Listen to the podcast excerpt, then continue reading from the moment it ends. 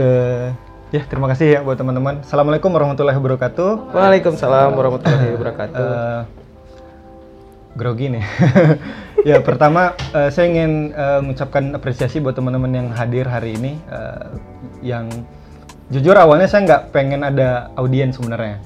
Eh, kemarin tuh coba eh, Japri admin Info Sumbar karena tahu Info Sumbar punya podcast, jadi eh, pengen wah ini satu frekuensi kayaknya kalau diajak ngobrol. Karena di Padang susah nyari temen yang tahu podcast. Sini tahu podcast? Belum kan? Nah, ya simpelnya Iya. Simpelnya podcast tuh kayak vlog cuman beraudio saja gitu. Audio. Audio ah, ah. Karena kita orang-orang yang malu dengan kamera. That's point.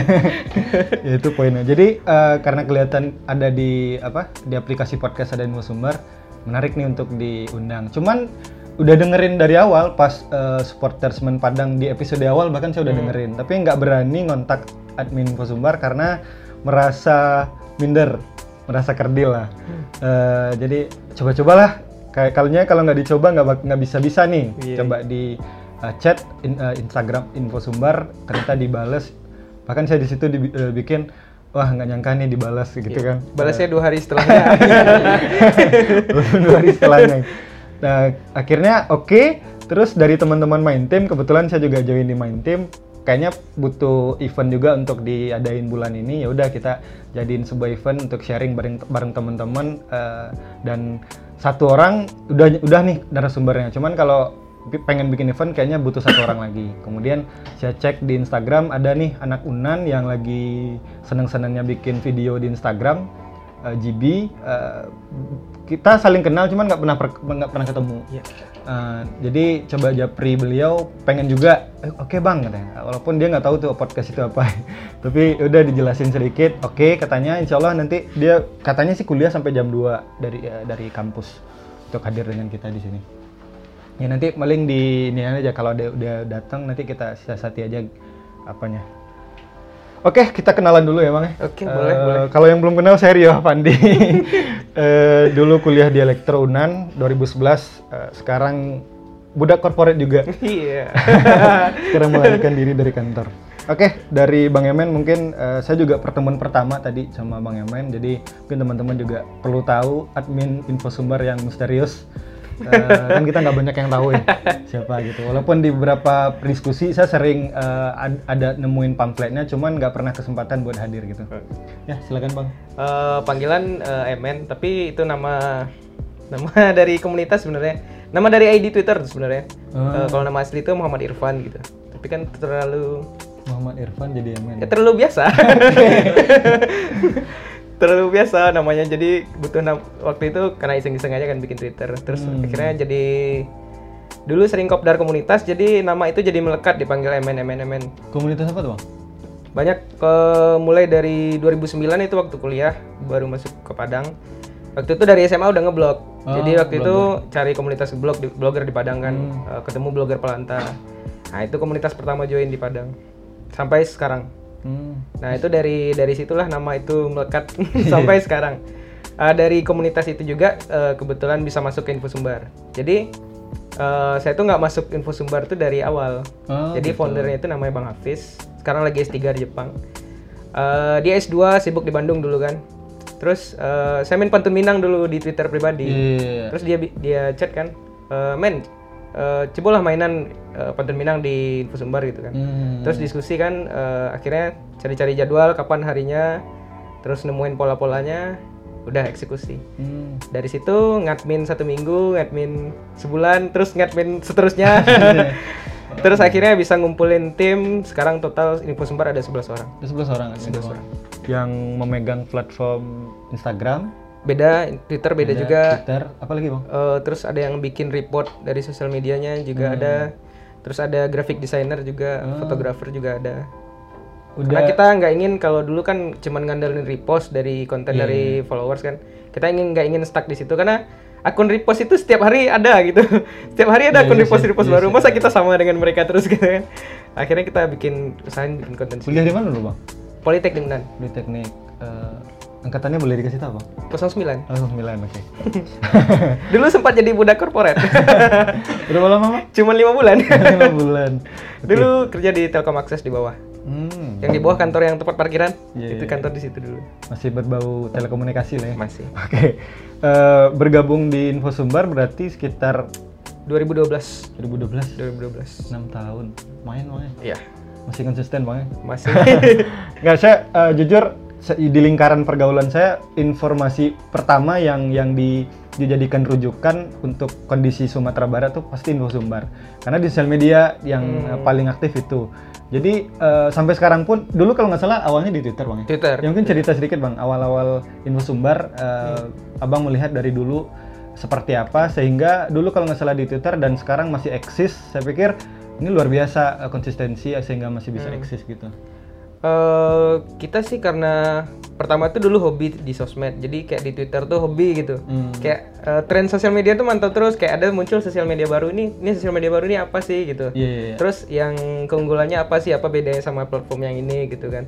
Terus apa aja sih? eh, kenapa orang tertarik di situ gitu? Kayak Hmm. muncul Instagram. Di Instagram sebenarnya kita terlambat mainnya. Iya terlambat ya. Terlambat kita main di Instagram tuh baru efektif tuh 2014 Hmm. baru mulai di situ.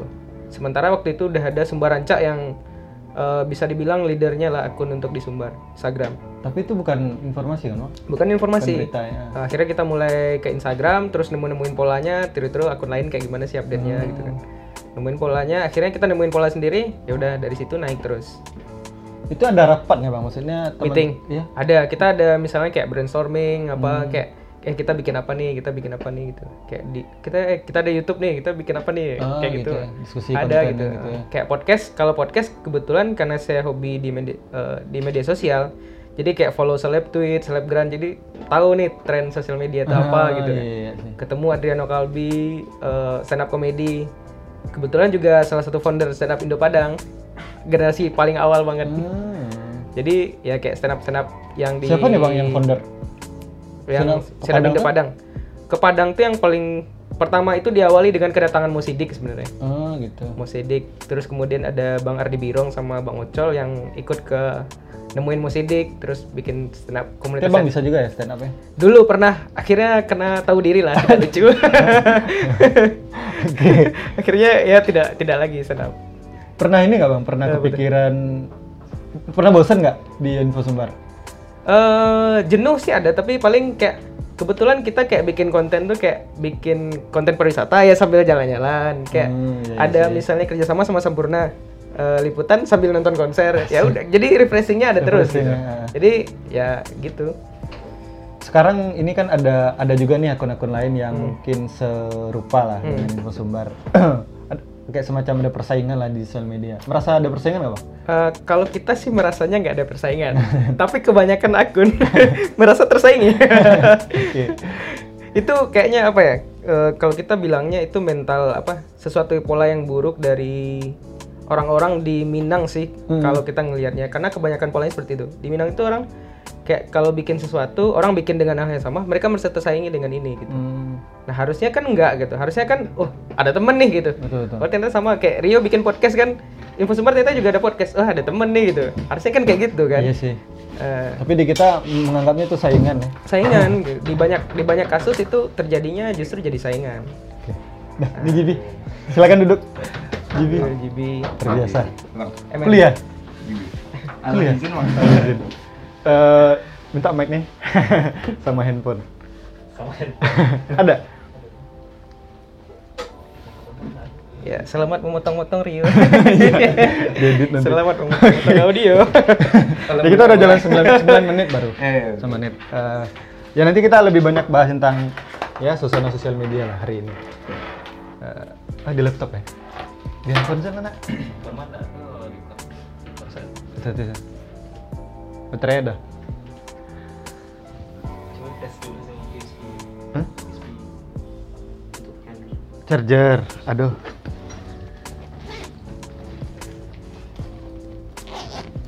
Surang sih Jibi. kurangnya Bang. Ah jurusan. Hukum. Oh, Kira Jibi lah kenal sama Bang Iman. Alun, cuman lah pernah nampak wajah. Gak ada mencari. Ah, oh, ada nyalek tuh, jadi nggak mungkin apa wajah harusnya ada. Sesama apa kan konten Iya, creator. PI sudah. VI sudah. Ah, Oh, si Sukri ya. Iya. kah. cek. Lah ditekan, tekan sana. Oke, selamat datang. Pasang lah. Selamat datang JB. Eh, ini pertemuan pertama juga sama JB. pertemuan pertama Kita sering sering bertemu di dunia maya. sih di dunia nyatanya sekarang. Kayaknya ya sos- sosmed cukup eh, inilah sehat untuk kita jadikan eh, platform bersilaturahim gitu ya. Oke. Nanti kita lebih banyak bahas tentang gimana sih konsisten bikin. Saya jujur punya masalah di situ. Iya. Eh, bikin konten, bikin bikin fit yang rapi misalnya. Iya. Ya. Oke, Dulu kita, kita... pernah coba bikin fit yang rapi. Ternyata tidak penting. Iya sih, sekarang nggak penting. ya. tidak penting. Saya sepakat sih bang sekarang. Eh, tadi sampai mana kita bang? Eh, sampai mana? ya eh, saingan tadi ya Iya, iya, Eh, saingan. merasa berarti nggak merasa ada saingan tapi karena mungkin info sumber eh, di atas Maybe. Nah, abang Maybe. pernah nggak ngerintis bikin baru lagi mungkin kayak Minang Kocak kan bikin eh, apa Em, apa sekarang Makin kampret. makin kampret, Makin kampret di, di, gitu. di, di anak-anak ini ini Iya. kan akunnya kan Kita ada sih beberapa anak-anakan tapi nggak apa kita nggak promoin di info sumber. Jadi kita biarkan akunnya tumbuh sendiri gitu. hmm. Karena info sumber dari dulu dari Twitter, Instagram, info sumber tuh ya tumbuh sendiri. Eh rulesnya adalah ketika orang merasa itu bermanfaat ya di follow, kalau enggak ya nggak usah gitu. iya iya. Kita nggak maksa orang gitu. Jadi kalau netizen nyari ribut, ya mereka nggak usah merasa berhak sama info sumber. Sosial media ada tombol follow dan unfollow.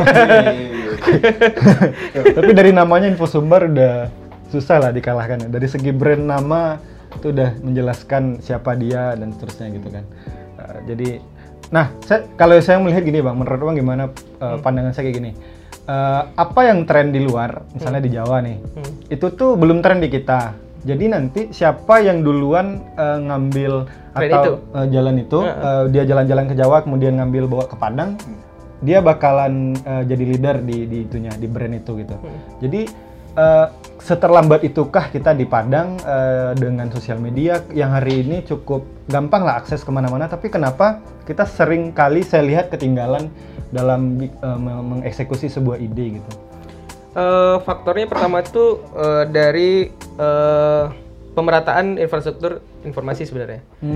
Kalau dulu misalnya kayak eh, kalau kita semuanya eh, infrastruktur telekomunikasi merata, orang pasti lebih aware tentang tren yang ada di luar. Jadi lebih gampang ditiru lebih cepat. Oke. Kayak es kepal Milo.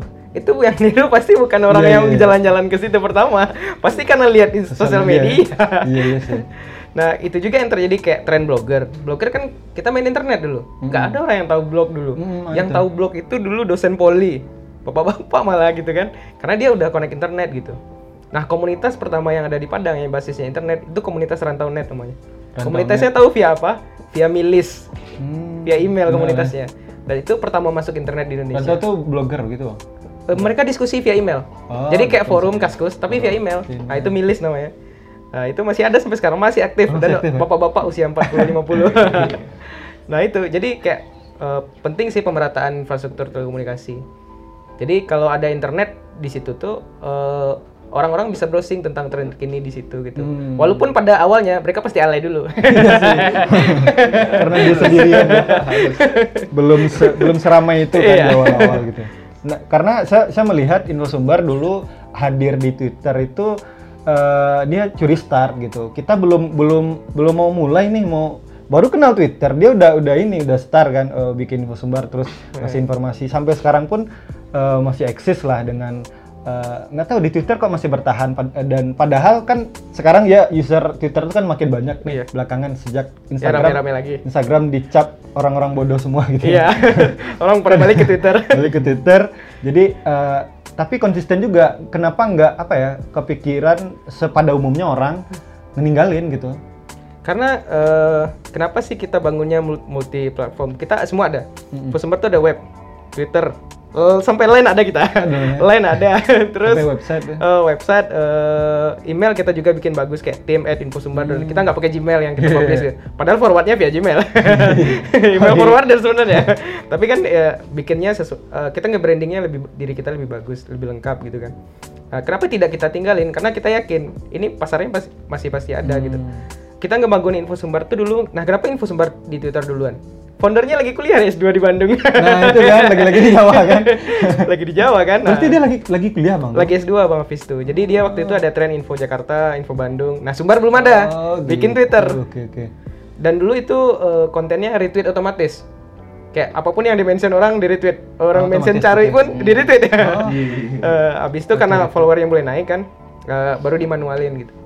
Mantap ya idenya. Jadi, saya, saya merasa ini karena saya tinggal di pelosok kan Sungai Geringging di Kabupaten Padang Pariaman, saya ngerasa merasa kampungan lah. Da- Sehingga ketika ada ide yang yang ya karena sekarang sosial media, makanya saya bikin podcast juga karena itu di luar udah tren nih. Ya udah di Padang belum, ya udah saya mau nggak mau coba dulu lah konsisten konsisten walaupun awalnya idenya memang memang ada keresahan yang ingin disuarakan aja di di podcast. Jadi karena nggak ada platform, dulu hobi nulis, Hmm. blog eh, ada blog cuman sepi pengunjung. Hmm. Terus hobi nulis di Facebook. Ah di Facebook seru dulu bang, Ah, banyak yang share lah Yeah. tulisan dulu di waktu di Facebook. Kemudian banyak eh, sekarang banyak ini orang-orang tua. Jadi Yeah. saya kadang nulis politik, ada yang berseberangan, paman saya berseberangan, dia datangin saya, kamu kok milih milih sini gitu. Jadi saking ini, udah saya ninggalin Facebook, saya pindah ke Instagram. Instagram hobi nulis juga, tapi nggak seneng aja baca tulisan di Instagram, apalagi bersambung di kolom komentar gitu-gitu Iya. kan. Baca bacanya ribet dan Ribet. bikin sakit mata. Ah, ya, udah Nggak di, enak udah diskusinya. di enter kadang masih aja nggak nggak ke enter kan Iya. itu eh, format di Instagram. Kadang kepencet enter sendiri. Nyebelin tuh. Ya udah. Iya. akhirnya yaudah peng- bikin podcast aja lebih simpel ngomong sendiri eh, sesekali ngundang dan narasumber gitu Eh, dan info sumber melakukan hal yang sama tapi sekian tahun yang lalu gitu saking keting- ketinggalannya saya memikirkan hal yang yang dilakukan oleh info sumber dalam ide-idenya gitu. Nah sekarang pertanyaannya next eh, seperti apa sih info sumber eh sekarang ha- hari ini dulu lah. Hari ini eh, seberapa mapan sih staff dari info sumber gitu? Agak ini maksudnya ada nggak sih yang memang betul-betul pure st- 100% dia stand standby di situ sehingga teman-teman yang hadir juga kepikiran nih yaudah saya kalau ada info batu sangkar saya bikin juga saya bakalan eh, ini kemudian atau info Pariaman dan seterusnya gitu mungkin ada gambaran gitu Pak. Eh, seberapa kita full semua di info sumber. full ya Full kecuali yang masih mahasiswa ya karena masih sambil kuliah gitu. Hmm. Ada beberapa yang masih eh, di tahap skripsi gitu. oh gitu Tapi yang sejauh ini yang di luar yang udah tamat, yang udah tamat kita full di info sumber semua. oke Walaupun saya pernah jadi budak korporat cuma lima bulan. itu sekarang udah udah ada legal Ke- ini ya bang Kecuali yang Bang Hafiz ya yang foundernya. Karena beliau udah jadi dosen di USU. oh, iya, Kemudian sekarang. lanjut S3 di Jepang sekarang. berarti sekarang kontribusi founder eh, tempat sharing juga? jadi kita laporan dia laporan diskusi Ah, gitu tetap ya. ada. ya karena ya sosial media membantu lah Ah, sosial media yang bantu. Hmm, berarti udah segitunya ya maksudnya. Nah ke depan rencananya gimana bang? Eh, sekarang ke depan sih mau bangun sebagai platform media media lokal yang lebih kayak kalau sekarang media tren media kan bergeser nih. Hmm? Kalau dulu tren media adalah gimana supaya beritanya bisa cepet. Betul. Lahir di Iya, iya, Tikom iya. apa beritanya Ah, pendek-pendek itu terus ya. Hmm. kalau salah keluar berita revisi kan, salah lagi revisi lagi gitu kan. Kayak skripsi anak kuliah gitu kan. Iya, nah, kalau sekarang kan trennya berita bergeser tuh kayak berita Gar, Tirto. Mereka jadi berita yang lebih in depth, eh, beritanya panjang, ber- eh, datanya lengkap, Lengkap, terus iya, bisa iya. dijadiin infografis. Heeh. Kita bang ke depannya mau bangun itu. Oh, Oke. Cuman eh, ke depannya kita agak kesusahan mungkin di tim lead banknya. Dia kayak Iya sih. kalau di Sumbar risetnya. kelemahannya adalah kalau kalau sekarang ngumpulin datanya susah karena orang di sini tidak aware dengan data gitu. Jadi data itu cuma sekedar angka bagi mereka. Padahal Hmm. kalau dibikin grafik jadi apa gitu kan. Misalnya data simpel nih data kebakaran. Data kebakaran di Kota Padang selama eh, satu bulan ini gitu. Iya, iya, kan iya. kelihatan di mana paling Iya sering sih. terjadi kebakaran, apa sih penyebab paling sering terjadi kebakaran gitu. Berapa jumlah totalnya gitu. Susah ya kalau di Sumbar bang ya? Susah karena datanya gitu. Ada juga beberapa instansi itu yang tertutup dengan data. Hmm. Mereka kalau eh, diminta datanya merasa dimata-matai. Tapi eh, tipe use apa pengguna sosial media kayaknya masih walaupun ya Tirto Beritagar tadi itu eh, eh, cukup kredibel untuk dipercaya, tapi kayak Tribun pun masih nomor one kan di ini kan di Karena ngi- eh, target mereka beda. Kalau Tirto me- mereka memang menjanji menyajikan info yang valid, dalam dan Iya segala sih, macamnya. Kalau Tribun mereka enggak. Iya, sebenarnya kan nyari pasar aja kan? Iya, cuman nyari traffic doang. Traffic jadinya. dong, iya. Eh, dan info sebar akan mengarah ke situ ya ke Iya, depan. harus Oke. di situ. Ya, selanjutnya kita coba berpindah sedikit. Ya seka- eh, mungkin kenalin diri, diri dulu lah. Mungkin teman-teman di sini ada yang sudah kenal juga dan ya, silakan. Sebagai apa sih ingin dikenal? Nama saya Ji. Formal ya, Bang? Ya, pernah. Jangan Pak. Nama gua. Mujib Amar Hakim. eh, kelahiran tahun 1998 Asik. bulan November tanggal 20. Sekarang lagi kuliah di Universitas Andalas jurusan Ilmu Hukum dan eh, tempat kelahiran itu di Pariaman. Oh, Pariaman juga ya. Pariaman Trio merasa Pariaman. dunia. Pariaman. Oke. Aktivitas kuliah sekarang ya. Aktivitas kuliah. Ah, eh, bikin ah, nama akunnya? Nama akun GB The Jeep bacaannya. Udah, udah follow ya? Udah. Udah nih fans ya. The Jeepers. Apa? The Jeepers. The Jeepers. Oke, eh, ya saya saya sering lihat video GB ya dan sering komen juga keren. saya bilang keren aja sih. Walaupun keren. Enggak, eh, GB ju- juga melakukan pola yang sama yang saya lihat eh, bahwa belum terlalu banyak orang bikin eh, dan eh, nggak banyak yang aware bahwa ini ini karya loh gitu kan. Tapi eh, dia terus bikin dia terus konsisten dari awal. Saya saya ngikutin dari awal followernya belum masih seribuan, sekarang udah pakai K di ini kan. di followernya. Nah, eh, cerita dikit lah gimana, awalnya gitu. awalnya emang? Awal awal waktu itu memakai Instagram tuh tahun 2016 bulan Januari Mm-mm. Eh, masih masih SMA baru kenal Instagram itu dari salah satu stand up comedian eh, Padang Pras Teguh Apa sih gue ya?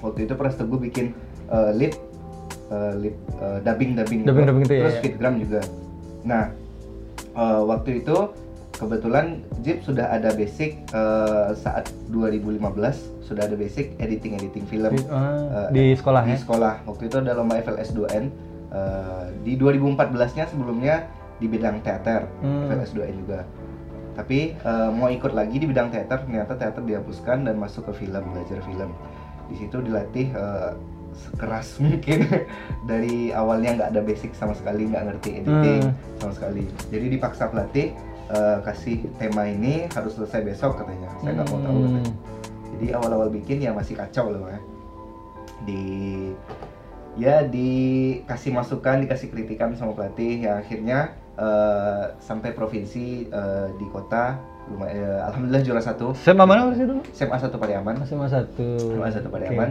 tapi waktu itu berhenti di provinsi karena ada yang lebih baik berhenti di provinsi Oke. jadi 2015 eh, terus GB terus ikutin lomba-lomba video Hmm. tapi bukan GB pemerannya waktu itu Iya, iya. sesekali doang Di Instagram tuh bukan? bukan Oh, belum sebelumnya masih belum mengenal Instagram Oh, belum ya? Eh, ikutin terus lomba-lomba video yang akhirnya eh vakum udah udah nggak ngedit lagi Mm-mm. Eh, karena kelas 3 waktu itu mau UN Iya, iya. Udah Putus sama pacar gitu ya. enggak dulu nggak punya sama sekali sekarang pun masih UN dengan alasan untuk putus ya. Oke. Oke, jadi eh, 2016 masuk 2016 sudah mulai kelas 3 dikasih lihat lah sama teman waktu itu Jibi belum ada smartphone masih HP tombol Iya, iya, iya. masih HP tapi bisa internet Eh, aduh.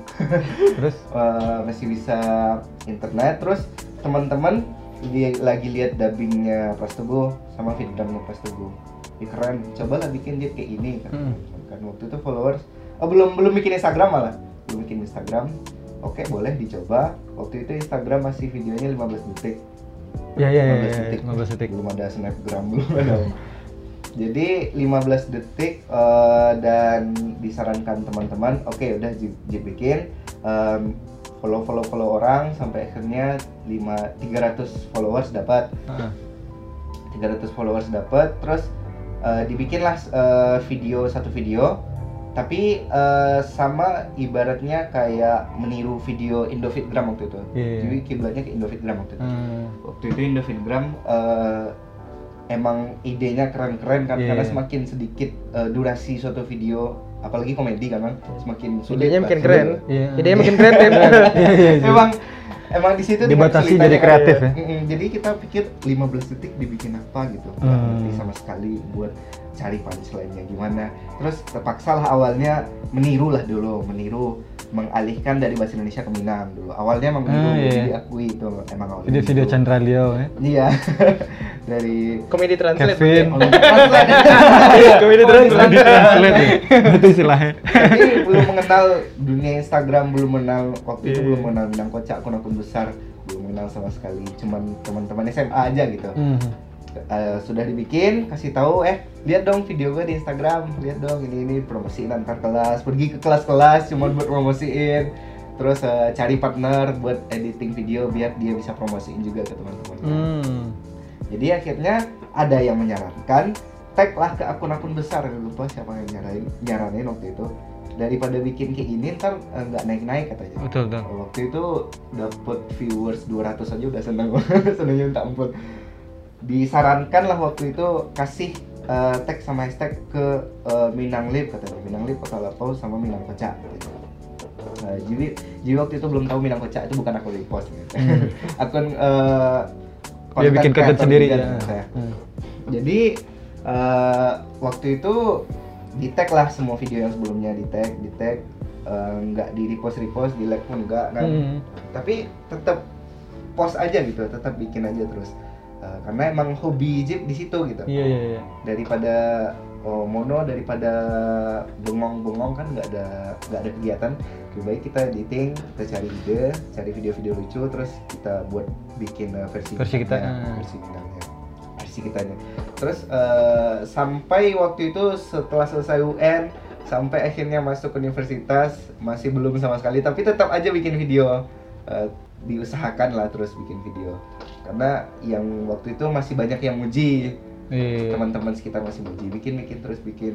Akhirnya pas eh, udah mulai hampir hampir selesai semester 1 kuliah waktu itu di as- masih di asrama di post lah sama Ota Lapau. Iya. salah satu video GB waduh senangnya minta ampun. Yang, yang, yang ingat nggak judulnya apa tuh? Eh, kawan pilih judulnya. Ah, kawan pilih. Eh, filmnya udah lama udah lama banget senengnya minta ampun. Weh akhirnya besok bikin lagi nggak di repost biarlah. Terus eh, bikin lagi bikin lagi. Akhirnya tentang Valentine waktu itu eh, No Valentine Day kalau nggak salah judulnya di repost sama Minang Lip. Hmm. Eh, dan ternyata juga di repost sama Ota Lapau. Jadi awalnya ya di situ makin bersemangat lah. Iya. bersemangat. Sampai akhirnya terus bikin eh, sesuai mood juga. Tapi moodnya insya Allah diusahakan terus muncul sampai akhirnya sampai sekarang. Dan udah ada haters ya. Alhamdulillah ada Sudah ada akun anonim yang komen di situ. Iya. Aduh, udah banyak pernah ini nggak sih pernah pernah pernah bosen nggak sih? kalau bosen itu tergantung mood tadi bang Eh, Biasanya apa yang di ini kan? Nah, yang bikin bosan yang bikin bosan Ketika bosen apa yang dilakukan? Oh ketika bosan, Ah, ketika bosan kita palingan ngobrol-ngobrol dan nongkrong-nongkrong Sama teman-teman tim ya. Ini timnya ya. Bukan, teman-teman yang Jeep kenal lah. Ah gitu, iya. ajak. Ini The Jeepers ya. Iya, bukan, belum ada waktu itu. Cuman Atau ternyata ini pura-pura tidak kenal. kenal, Jeepers itu kenapa namanya Jeepers? Ah. Karena dari MTS waktu itu JBNTS bukan SMP. Iya. Nggak pernah SMP. MTS. MTS. Oh, nah, MTS lanjut SMA. Eh, Oh, sama aja SMA. Sama aja. Oh, sama. Dari Dengan satu MTS. Beda kayaknya. Beda. Aman. Eh, waktu itu di di MTS nggak ada basic apa apa nggak berani nggak berani maju ke eh, nggak berani Tampil. depan umum lah Ah. tapi terlin eh, pernah berkeinginan buat nanti weh kalau ada fans namanya Asik. Jeepers Azik. dari MTS itu ternyata Iya. Hayal aja dulu ya. iya walaupun dalam Islam menghayal itu nggak boleh tapi terlintas lah eh, sejenak waktu itu bukan sejenak sih Eh, emang niatnya waktu itu Hmm. kalau ada fans namanya di Jeepers sampai akhirnya emang eh, sampai sekarang alhamdulillah setiap eh, Jeep bikin caption emang terus dibikin WhatsApp WhatsApp di Jeepers gitu. Jadi orang tanya di Jeepers itu apa? Ya di Jeepers itu the GB lovers. Sekarang baru-baru ini ganti nama ya. Ganti nama. So-soan say goodbye kan. say goodbye dulu. Iya, iya. bikin sensasi bang Mau jadi Reza Arab. Reza Arab mungkin Reza Arab tuh di UGB kali ya soalnya dulu aja Tapi dia disumbangin ke yayasan. disumbangin ke yayasan. iya iya sih Kalau info sumber ada haters, Bang. Oh banyak. Banyak ya? Banyak. Kalau ada misalnya Pak Jokowi presiden kita kunjungan kerja ke Sumbar, ah itu kita pusing. Oh iya iyalah. Iya. Admin ini fans Jokowi ya. Admin pasti cebong nih. Pasti cebong nih. oh iya iya iya. baru muncul langsung Berarti Admin pasti anggota PDIP ya. pasti gitu. Repot kita. Padahal ya. Padahal ya, padahal ya ya pilihan politiknya serah orang lah. Berarti netizen sekarang banyak yang mengira admin info sumber pro Enggak enggak juga sih ketika postingan sih. Oh, ketika ya, postingan. Intinya kalau di Instagram tuh apa pun yang kita posting ya netizen benci aja. akan selalu Posting ada. Iya. Oh, posting yang positif dong, prestasi bla bla. Kita ka- kita posting prestasi eh nggak diapresiasi. ketika yang bikin yang marah-marah ya mereka komen semua. Netizen maha benar ya. Wah, benar. Eh, ini banyak nih bang teman-teman yang pengen bikin eh, bukan pengen sih udah bikin bahkan bahkan. Iya. tapi selalu eh, keterkendala eh, kesibukan mungkin nggak konsisten kemudian nggak nggak nggak konsisten. Terus nanti ketemu temen lagi ngobrol kayaknya saya pengen kita bikin ini yuk kemudian bikin terus nggak konsisten hilang lagi gitu. Iya. nah mungkin minta ininya lah eh, wah wejangan ya wejangan Kalau jangan, saya sendiri juga tidak konsisten. ya sampai sekarang kan buktinya Iya, kalau iya, saya iya. dari 2016 ya, 16. dua- ya dari kalau info sebar dari 2010 malah. 2010 malah Iya. kan. nah. Kalau pengen konsisten ya emang ngerjain sesuatu tuh memang yang kita suka. Kayak JB kan ya memang dia suka video ya pasti konsisten gitu. Yes, ya. Kayak eh, saya misalnya kan karena emang hobi sosial media aja gitu. Kayak apa update terbaru sosial media gitu. CEO CEO Tekno tuh bahkan akun pribadinya saya follow. Kayak dia ngelakuin apa gitu, bikin kesalahan apa. Kayak si Elon Musk kemarin kan isap ganja gitu, gitu kan. Ya kita tahu tren-tren kayak gitu gitu kan. Jadi memang karena hobi aja sebenarnya. Kalau kita hobi ya pasti kita konsisten. Kalaupun kita jenuh, bosan gitu kan, pasti balik lagi. Iya sih. Kayak gitu. Ya kayak punya pacar lah, pacar yang benar-benar disayangi gitu. Kalaupun jenuh kan nggak ngilang tiba-tiba pas sayang-sayangnya gitu kan. Bisa balik lagi. Berarti kalau dia jenuh kemudian nggak balik lagi berarti nggak usah dilanjutin aja bang? Nggak usah dilanjutin aja. Oke, bukan mungkin bukan bukan di situ. Bukan di situ berarti. Kalau JP Eh, apanya nih bang ya kasusnya sama. eh, dia juga awal-awal bikin bikin video eh, kemudian ternyata like-nya dikit dan kayaknya ya udahlah gitu. nyerah nih Nyerah. ya udahlah beli like aja. Mana tahu gitu. kalau orang sih balik balik kirain nanya Ya kasusnya gitulah. Atau nggak di repost kan? Bikin akun sendiri, repost sendiri. Mana tahu Luar gitu. biasa. Aduh nanya tentang pacar. Eh, mungkin dari Jeep seperti yang disampaikan Bang tadi eh, Bang Mir. Eh, untuk fitgram kalau Jeep sih sarannya eh, untuk kekonsistenan itu awalnya ada beberapa hal. Eh, yang pertama itu awalnya kita niat. Heeh. harus niat lah yang kedua kita harus cinta dengan apa yang kita bikin itu Heeh. jadikan hobi terus cintai itu sih yang ketiga eh, kita kalau udah cinta sama hobi itu pasti eh, tul- rasa tulus itu akan muncul Bang. jadi udah cinta tulus lagi ikhlas Asik. gitu kayak lagunya Porto Inti berkarya bersama hati Asik. emang berkarya itu kita harus bersama hati Oke gitu oke. yang keempat, emang kita harus paksakan. Karena berawal dari keterpaksaan, lama-lama akan jadi kebiasaan dan akhirnya Hmm. akan jadi kebutuhan. Eh, Kayak sholat aja, Ben. ah iya betul, itu sebenarnya buat sholat. Nih, anak MT- MTS Iya, harus, harus masukin unsur agamanya ini. Selagi kita bisa Iya, masukin. Asik. Eh, itulah eh, untuk membangun kekonsistenan itu. Kecuali eh, emang di dunia nyata kita sibuk banget, nggak bisa em, membuat karya, terpaksa kita harus vakum dulu. Dikasih tahu juga bahwa kita vakum.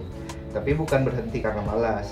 Insya Allah Jep selama ini nggak berhenti karena malas. Karena dari awal-awal bikin video pun udah dibilang sama mama, dibilang sama eh, teman-teman selama di video atau selama di fitgram uh, Jeep bisa menyebarkan kebaikan, menyebar dakwah, kenapa enggak gitu. Hmm. Jangan pernah berhenti katanya. Walaupun itu satu ayat, walaupun setengah ayat, yang penting eh, sebarin aja gitu apa yang Jip tahu. Nggak usah peduliin orang bilang eh, ngapain sok-sok nyebar kayak gitu? Iman lu udah sempurna nggak? Udah Iya. sering banyak banyak banget. Kayak nggak pernah salah aja. iya betul. Netizen. netizen maha benar. Emang admin tidak pernah melanggar lalu lintas. iya. Iya iya ya namanya manusia. Iya.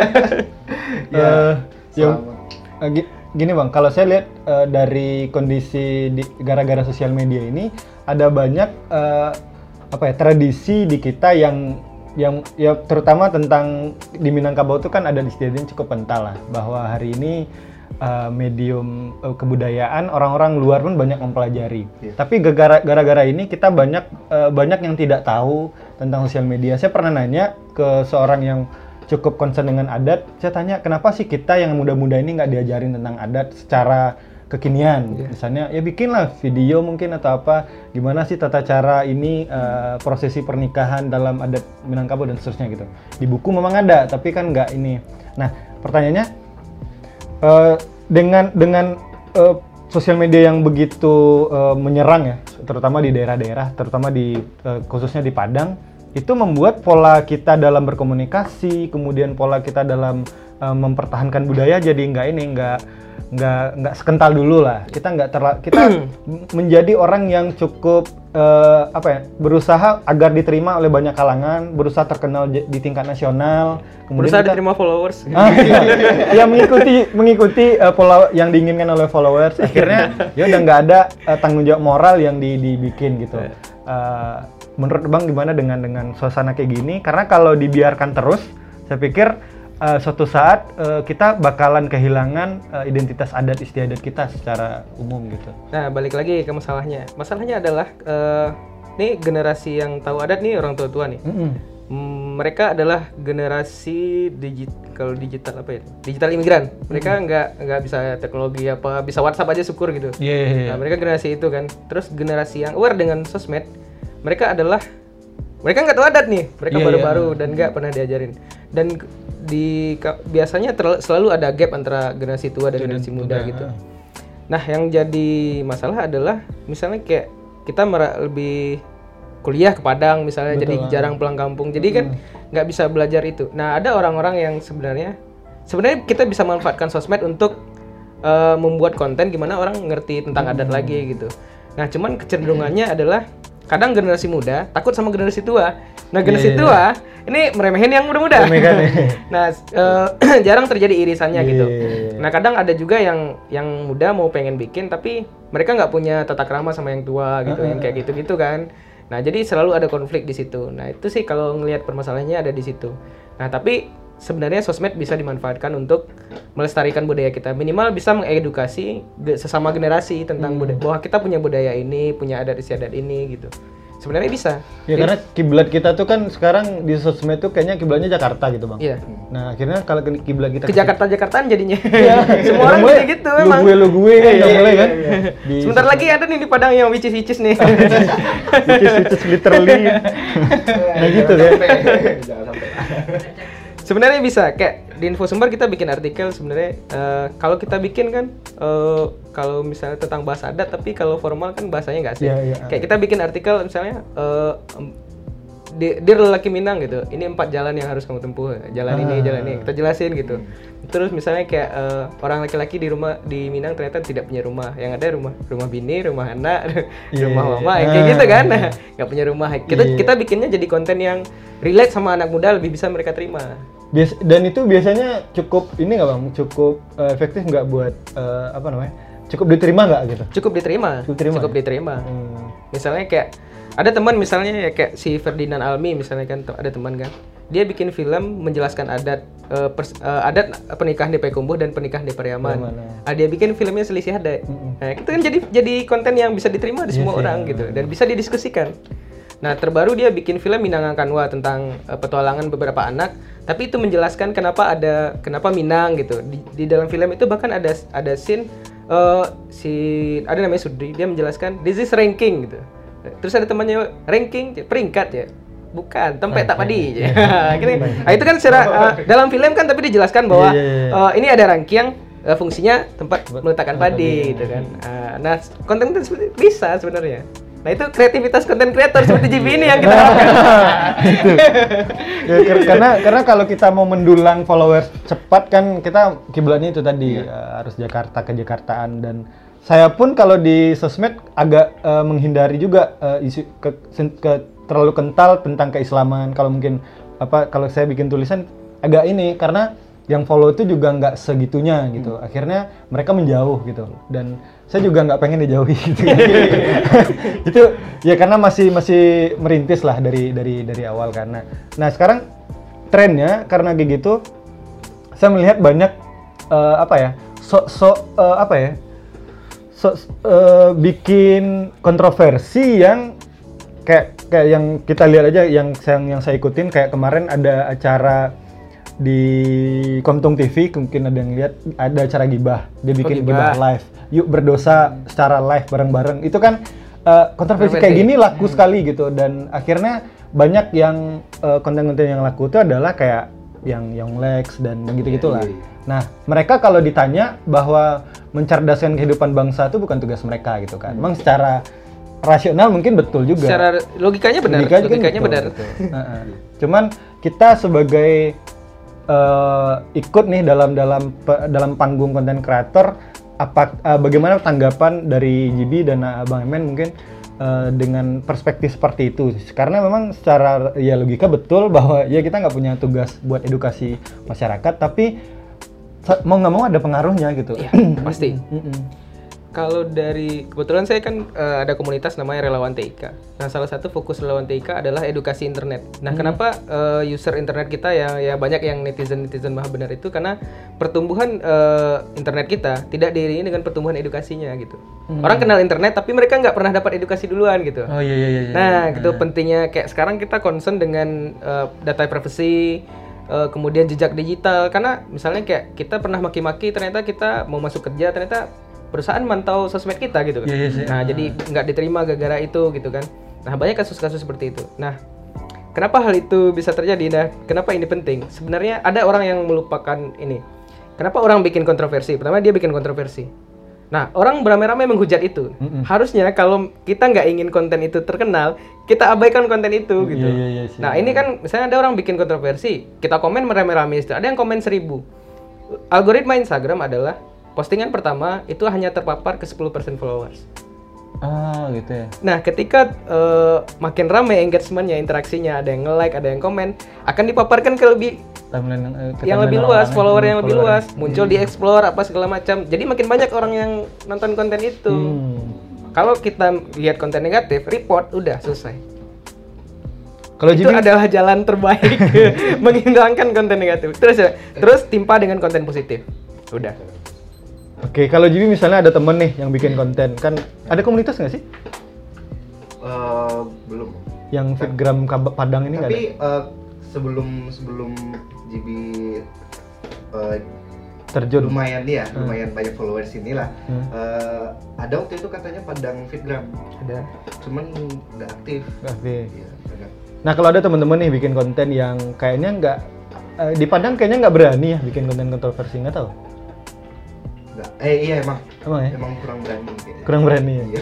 Nah misalnya ada teman nih yang bikin kemudian eh, dia punya ini kan punya dalil kayak tadi bahwa ya ya kita bikin agar eh, naik follower dan Kan ada seterusnya. follow and follow ya. Iya, kan itu aja alasannya kan mereka kan. Iya, iya. Padahal mau nggak mau emang ada pengaruhnya sama generasi di bawah kita, di adik kita gitu kan.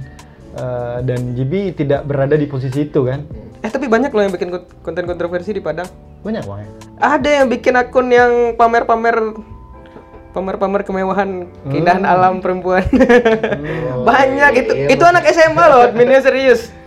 Kami pernah ketemu sama sekumpulan adminnya, serius. Hmm. Eh, bahkan tim kita mau mau marahin mereka pas nyampe di situ mukanya polos-polos semua kan kayak jadi dimarahin. Tahunya dari mana bang? Eh, mereka waktu itu pasang eh, link grup WhatsApp. Oh gitu. Yusuf lagi situ. Anak-anak SMA semua adminnya. Biasanya- Itu pokoknya dia bikin dia bikin akun repost tapi yang di repost itu ya yang gede-gede gitu. Hmm. ya perempuan yang gede-gede gitu. Nah, itu sering muncul di explore tuh. Iya. Eh, saya bahkan kalau iseng misalnya buka Instagram, buka explore, ketemu konten kayak gitu pencet report Oh gitu ya. nggak sampai kalau misalnya video nggak sampai eh, videonya ke view langsung report udah Berarti ada ada ngaruhnya bang? ya? ada ngaruh Saya lah. mikir nggak ada ngaruhnya, ngaruh pernah report. ngaruh karena eh, Instagram berpikir gini kalau kita sempat nonton video itu Instagram akan beranggapan kita kon- suka konten itu dan kita akan dijejali terus dengan konten yang sama Oh gitu. ya. itu algoritma Iya. iya, iya. jadi kalau kita nggak ingin dapat misalnya di explore muncul yang aneh-aneh ya report itu yang aneh-aneh itu nggak bakal muncul lagi Oke. itu dia Kalau Jibi eh, selama ini kan udah banyak nih video ke depan mau ngapain nih?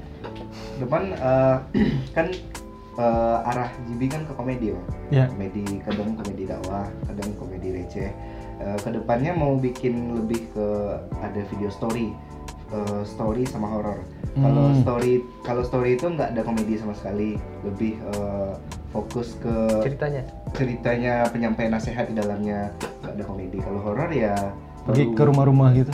Hantu. enggak sih Enggak. cuman mungkin lebih ke cerita-cerita dari followers Oh, gitu. Eh, Kirain- ke fitgram Iya. kita gitu cerita di asrama banyak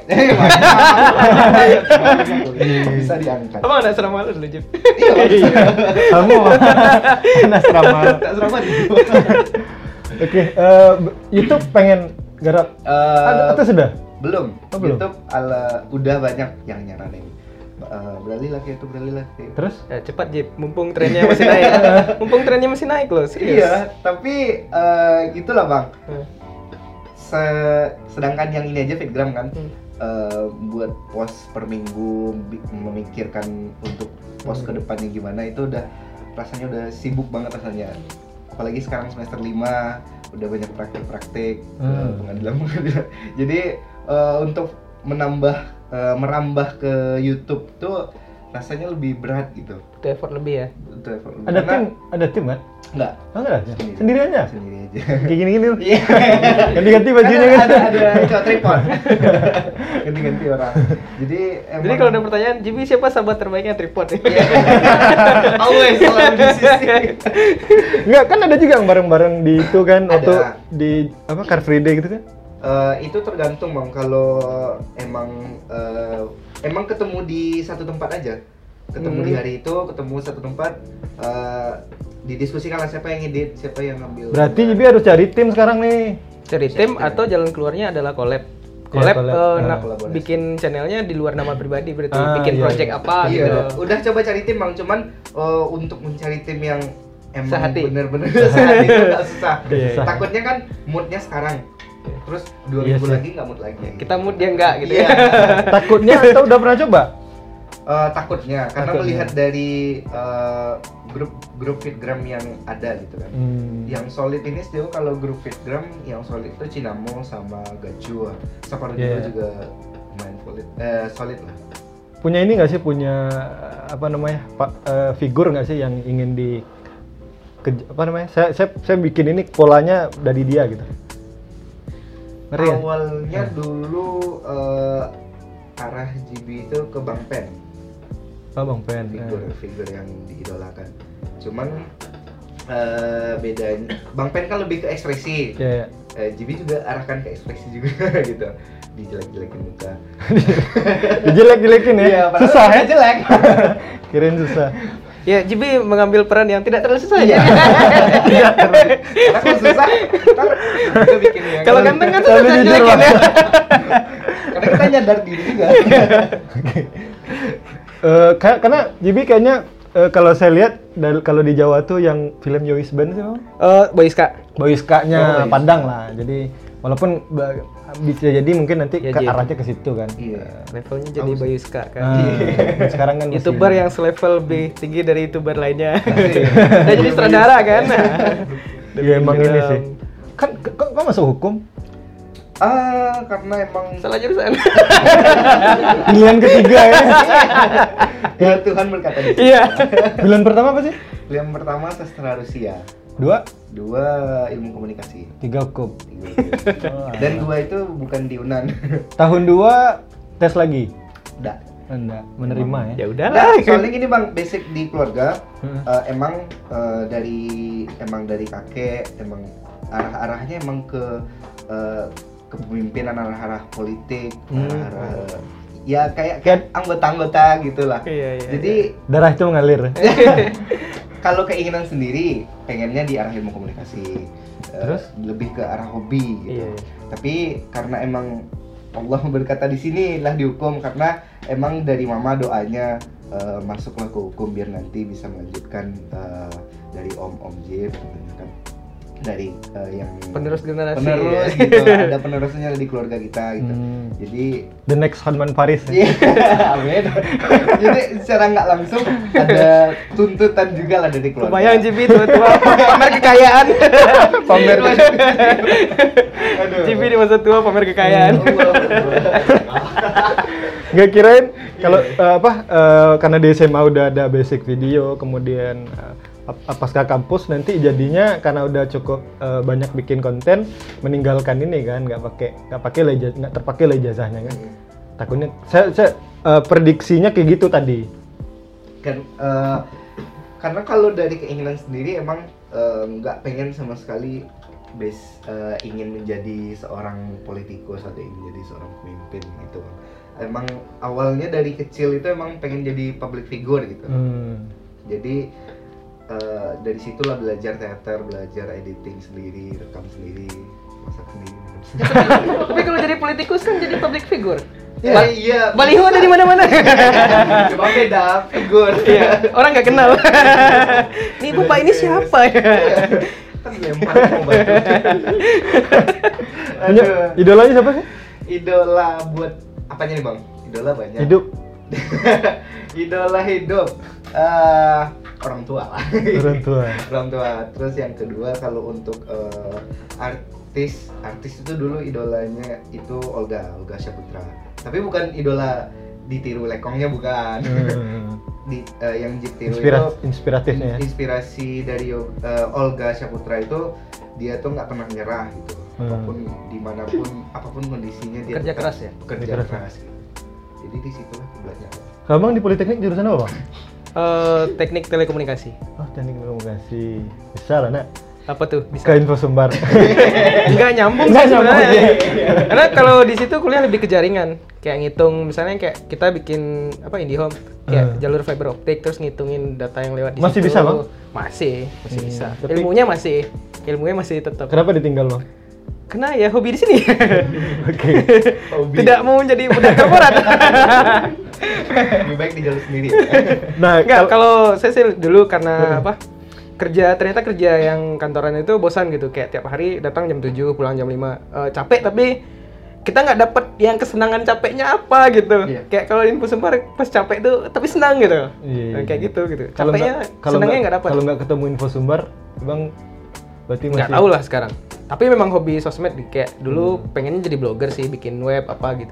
Dulu kan emang udah hobi ngeblog dulu. Ngeblognya Dulu patokannya sih Raditya Dika. Hmm. Terus eh, bergeser-geser karena pengetahuan nambah kan, ya jadi Raditya Dika.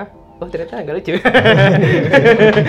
nah kalau ada nih eh, adik adik abang Hmm. atau pokoknya dia dia lagi kuliah kemudian dia punya kemampuan kayak dia ber- berbakat jadi youtuber Hmm. dia berbakat pokoknya di, di di dunia digital nih dia punya bakat di situ tapi kuliahnya nggak di situ Eh, ada ini nggak sih kalau dia nanya ke abang menurut bang gimana gitu Oh, kalau misalnya eh, nggak pengen sih ngarahin dia kayak gimana. Yang jelas dia punya pilihan nih antara ngikutin eh, sesuai jalur pendidikan sama ngikutin eh, hobi dia.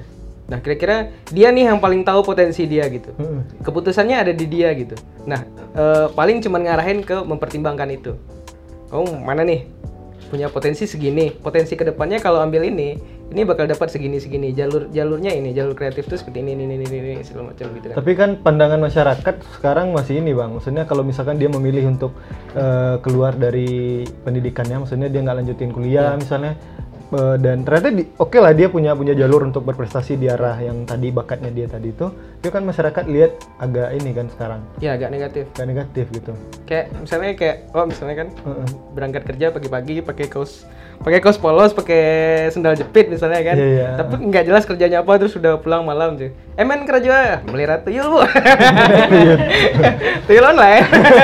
Tuyul online.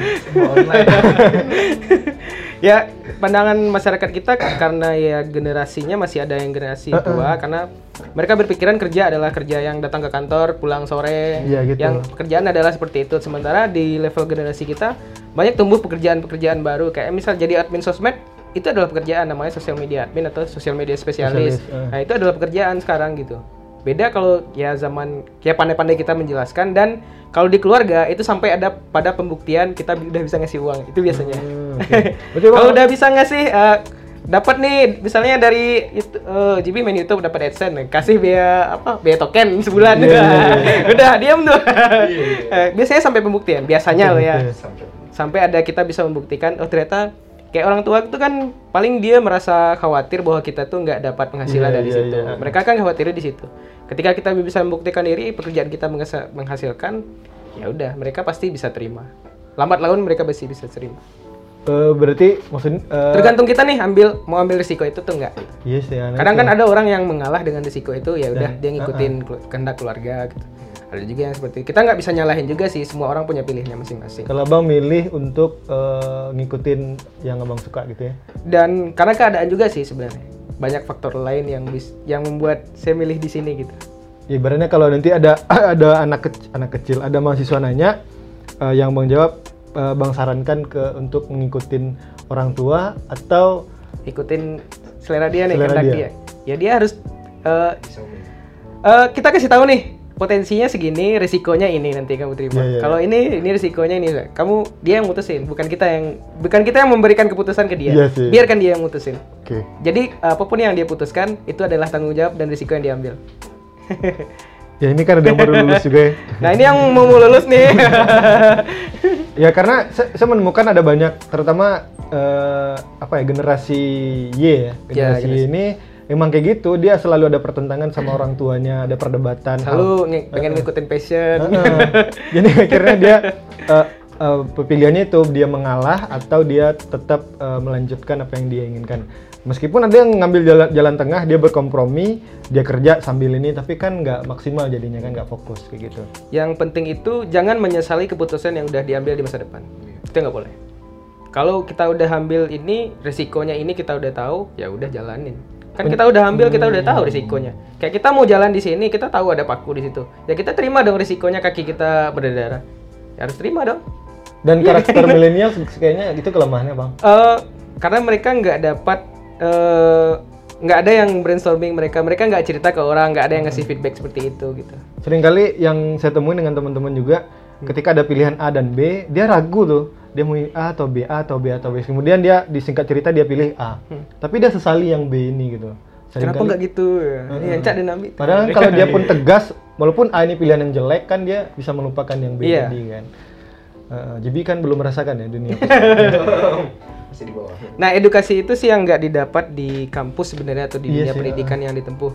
Nah, kami sih di, di Infosumber kami ada program yang seperti itu. Eh, programnya nanti di anak magang.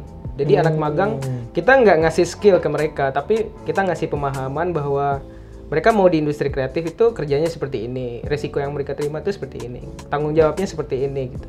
Kita ngasihnya seperti itu. Terus kalau mereka mau siap di industri, industrinya itu seperti ini loh gitu. Nah di kampus sekarang misalnya kayak DKV, pernah ada kasus waktu itu eh, kita rekrut anak magang di sini. Di sini waktu itu kejadiannya dia ngantar CV, terus ada waktu itu salah satu klien Infosumber eh, kita di- habis diskusi dia nanya terus ini anak DKV gitu. Ah kebetulan nih aku butuh desain ini ini gitu. "Eh, berapa rate kamu? gitu kan. Nggak tahu dia rate itu apa gitu. Hmm. artinya dia setelah tamat banyak eh, mahasiswa sekarang nggak bisa menjual dirinya. Artinya mereka nggak tahu kompetensinya apa. Mereka nggak tahu nih kemampuannya apa. Betul, betul, nah betul. ini nih saya kuatin gitu. Jadi setelah lulus itu kalau bisa oh kemampuan saya di sini nih. Walaupun nggak sesuai jurusan itu yang dijual. Dan itu harusnya tanggung jawab kampus bang. Harusnya ada di kampus eh, itu penyadaran bahwa eh, bayangan industri mereka tamat dari ini industri kerjanya seperti ini loh gitu harusnya ada Kalau Jibi berarti besok akan meninggalkan ini ya, karena mau jadi ini kan. jadi Herman Lawyer. Paris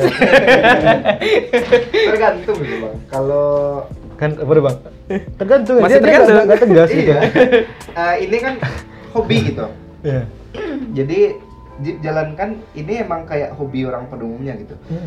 Mm-mm. Eh, Bukan jadiin fokus. Betul betul betul ya. Jadi ini hobi kayak orang Orang main bola lah ya. main bola Ya, kalau Pekerjaannya follow- kan nggak Iya, main iya. bola. Kalau followersnya nggak nambah nggak nangis gitu ya. iya iya biarin aja kan nanti biarkan mereka yang ikut kita tetap di jalur kita gitu Nah bedanya, Kak, ini ini ada peluang jadi wilayah karir gitu. Kalau sepak bola mungkin jadi hobi oke lah, dan dia nggak mungkin nggak Iya. pemain profesional peluangnya nggak segede itu lah. Tapi kalau ini kan peluangnya ma- masih ini kan masih besar dan ada ada peluang JB bakalan jadi uh, youtubers terkenal dan bisnis Jalurnya banyak gitu. Misalnya dari jadi youtuber bisa jadi sutradara, penulis Ah, naskah gitu. ah, itu. Banyak gitu. iya iya Nah mungkin Jibi eh, belum tegas karena belum tahu Iya, gambar tahu. industrinya seperti itu. Kayak Bayu kayak Radit, siapa sih yang nyangka dia jadi sekarang jadi sutradara dari Hmm. dari blogger nih, blogger terkenal. Habis itu jadi penulis buku. Dia kuliahnya apa nih? Dia kuliahnya terakhir ngambil hukum di UI kayak eh ya, hukum apa fisip ya dia di UI kalau nggak salah.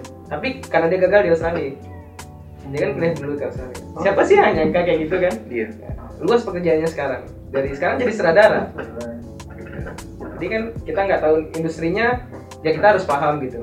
Dan kita tahu misalnya kalau tren ini meredup, kita shiftingnya ke mana gitu. Kita harus tahu itu. Gitu.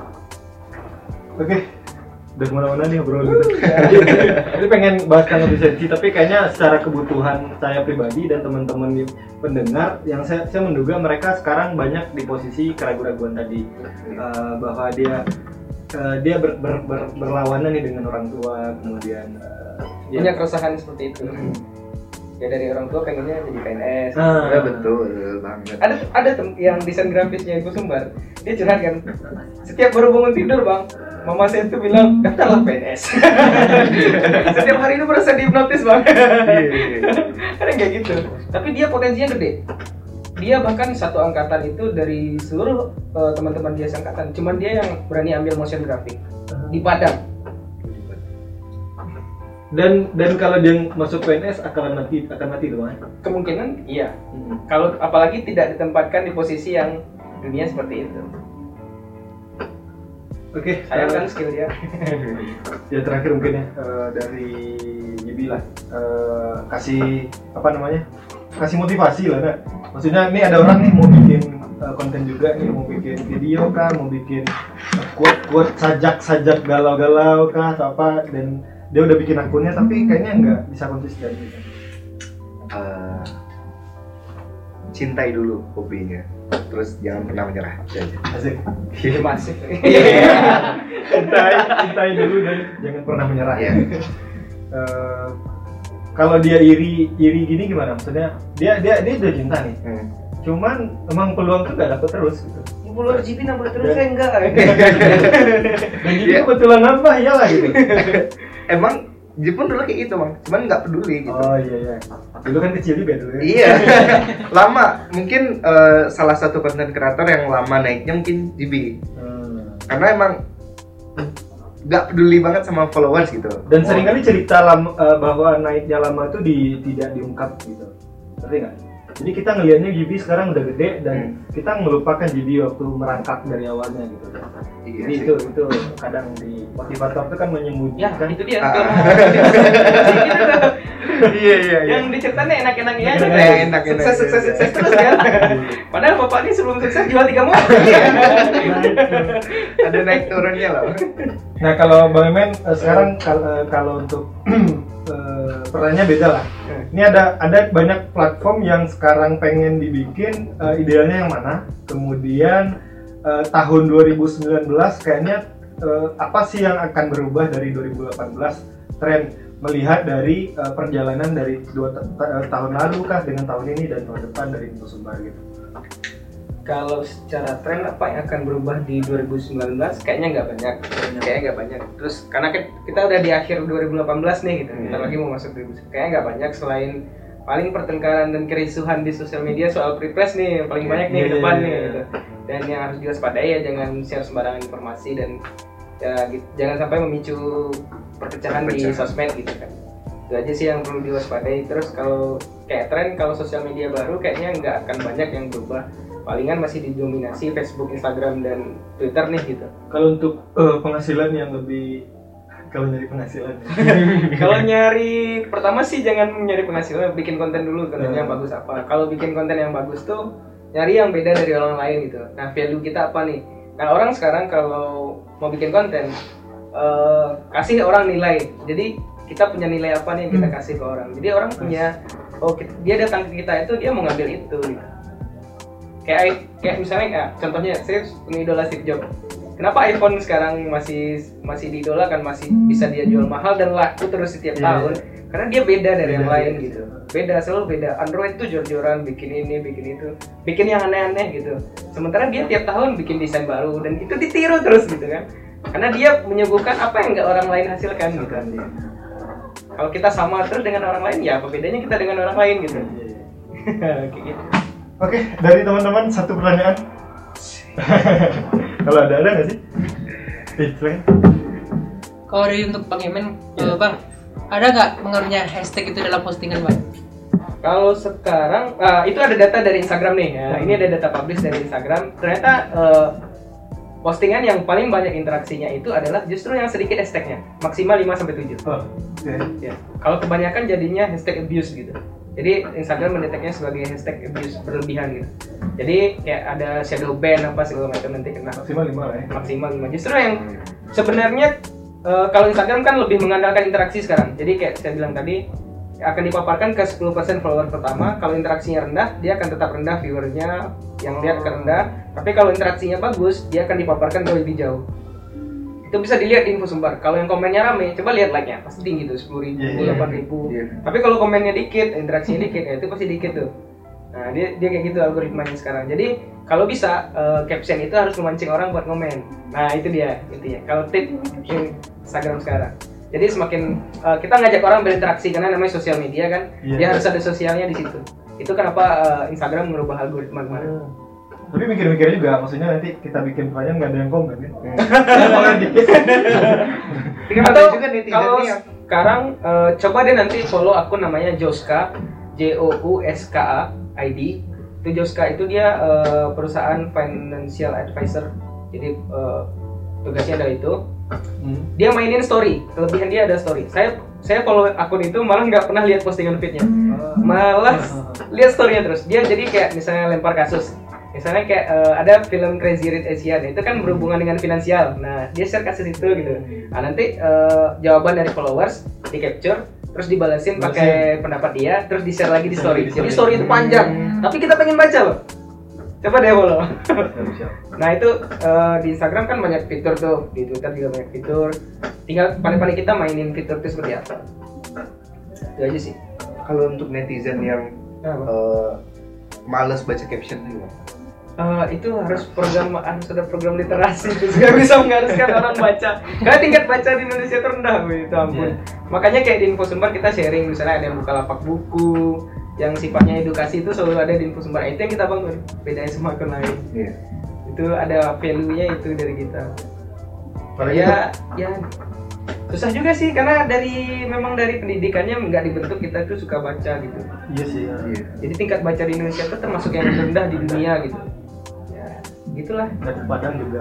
dan logikanya juga jadi kalau orang nggak suka baca itu logikanya jadi kebalik-balik gitu.